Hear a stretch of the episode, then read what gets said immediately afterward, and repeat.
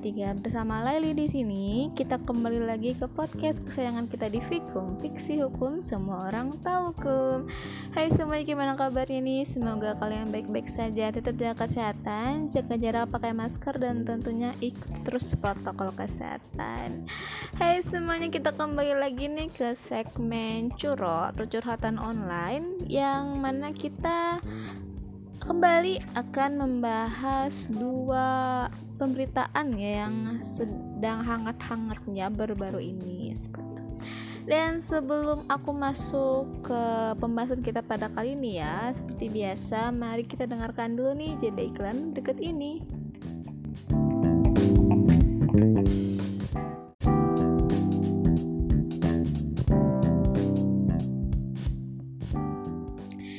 kasih kawan-kawan yang sudah menunggu. Jadi untuk pemberitaan pertama itu ya datang dari Bapak Wakil DPR RI Bapak Aji Samsudin itu ditangkap KPK. Aku kutip dari kompas.com ya, penangkapan Bapak Aji Samsudin ini dilakukan secara paksa pada Jumat tanggal 24 September 2021 sore e, menjadi tersangka dalam kasus dugaan korupsi pemberian hadiah atau janji terkait penanganan perkara yang ditangani oleh KPK di Kabupaten Lampung Tengah. Lalu pertanyaannya kenapa tadi penangkapan ini dilakukan secara paksa ya? Ya karena sebelumnya Bapak Ajis ini e, tidak memenuhi panggilan pemeriksaan KPK dengan alasan sedang menjalani isolasi mandiri atau isoman. Lantaran berinteraksi dengan seorang yang positif COVID-19. Namun, setelah dilakukan pemeriksaan swab hasilnya itu non reaktif oleh karena itu Bapak Anji itu ditangkap dan ditahan secara paksa. Seperti itu. Bapak Aji Samsun sendiri itu ditangkap karena dugaan suap ex penyidik bernama Stepanus Robin 47 yang uh, telah dipecat KPK setelah berstatus tersangka suap penanganan perkara di Kabupaten Lampung Tengah tadi. Eh, dan untuk kepentingan penyidikan KPK sendiri itu menahan Aji Samsudin selama 20 hari pertama terhitung mulai tanggal 24 September 2021 hingga 31 Oktober 2021 bentar lagi ya nih tanggal berapa sudah nih setengah bulanan lagi lah seperti itu.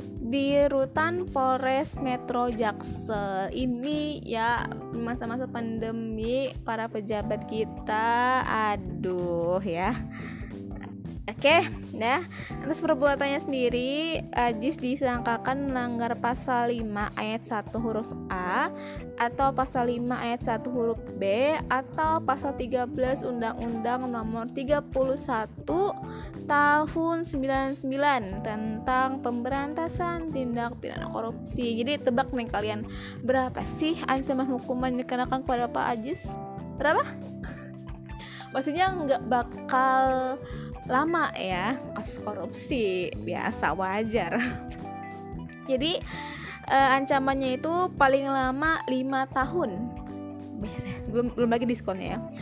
Maksimal tuh ya maksimal 5 tahun penjara dan atau denda paling banyak 250 juta rupiah.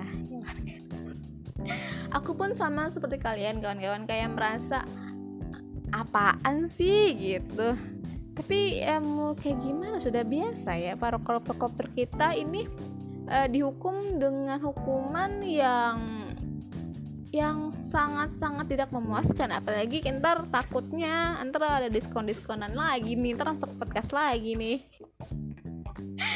Oke. Okay. uh, eh, beberapa hari yang lalu uh, ini sebelum rekamannya diambil eh maaf sebelum rekamannya diambil Bapak Haji Samsudin telah menjalani pemeriksaan perdana terkait suap penanganan perkara Kabupaten Lampung Tengah oleh Komisi Pemberantasan Korupsi beberapa hari yang lalu lah sebelum rekaman. Uh, dan beberapa sudah kapan gitu ya? Aku uh, membahas masalah gaji DPR ya kalian mungkin kalau yang, belum mendengarkan silahkan mendengarkan kembali. Eh, silahkan dengarkan dulu maksudnya kalau yang udah pasti tahu lah gitu kan. Semakin tinggi jabatan semakin besar gaji dan tunjangan tunjangan tunjangannya. Seperti itu. Dan kenapa ya? E, masalah gaji itu semakin tinggi jabatan semakin tinggi gajinya. Tapi kalau masalah hukuman semakin tinggi jabatan kayak semakin rendah deh astagfirullahaladzim bilang Lalu uh, untuk menggantikan kekosongan kursi Bapak Wakil DPR itu digantikan oleh Sekjen Partai Golkar nih. Maaf kalau salah namanya ya. Uh, Lod Lodewijk uh, Friedrich Paulus ya itu dari Partai Golkar. Itu untuk pemerintahan yang pertama ya korupsi wajar ya baby. Nah untuk yang kedua ini masalah hak cipta kawan-kawan beberapa hari yang lalu saat yang lalu gitu ya tahulah uh, dengan permasalahan warkop DKI dan warkopi ya jadi untuk warkop itu sendiri itu adalah nama ya dari impersonate trio dari Warkop DKI. Jadi mereka ada tiga orang yang saya mirip dengan Dono, Kasino dan Indro seperti itu. Jadi mereka menamai diri mereka sebagai Warkopi tapi ini menjadi buah bibir kawan-kawan karena ini dari personil asli dari World PKS ini dari Om Indro ya e, masa harusnya ada etika yang dilakukan oleh pihak Warkopi untuk meminta izin sebelum membuat konten yang meniru Warkop DKI ini aku kutip dari detik.com ya kawan-kawan. Dan untuk masalah ini ada juga beberapa netizen yang mengatakan yang aku ini ya yang aku baca-baca itu ah masa mirip gitu doang dipermasalahkan gitu. Ya kan masa harus mirip alis ini atau ini alis ini harus harus minta izin dulu gitu enggak kawan-kawan jadi untuk Korkop DKI ini sendiri itu telah didaftarkan pada lembaga yang mengurusi hak kekayaan intelektual atau HAKI sehingga siapa pun yang menggunakan nama maupun tampilan ikonik mereka haruslah meminta izin terlebih dahulu gitu. Ini kronologi singkatnya permasalahannya ya. Ini pada tanggal 24 Agustus 2021, pihak Patria TV yang menaungi Power Copy memang telah minta izin untuk bertemu manajemen Indro secara langsung. Namun saat itu pihak Indro minta agar Warkopi dan Patria TV mengirimkan surel atau surat surat elektronik Uh, tapi ternyata ya sebelum surat itu dikirimkan pada Indro Warkop, Warkop ini telah hadir di muka publik.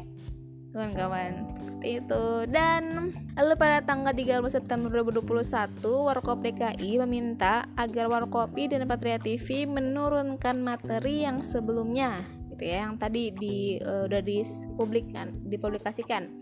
Lalu pada tanggal 17 September 2021 pihak Patria TV dan Warkop DKI kembali maaf Warkopi kembali mengirimkan email dan tetap ingin bertemu. Namun hingga saat itu mereka belum meminta izin uh, dan menurunkan materi. Dan workshop eh, maaf uh, Indra Workshop DKI sendiri itu menang, turut menanggapi persoalan warkopi yang bagi ia yang paling dipermasalahkan dalam perihal ini adalah etika ya. Nama Dono Kasino Indro itu telah dilindungi secara hukum dan untuk aturan hak kekayaan intelektual sendiri itu diatur dalam Undang-Undang Nomor 28 Tahun 2014 tentang hak cipta.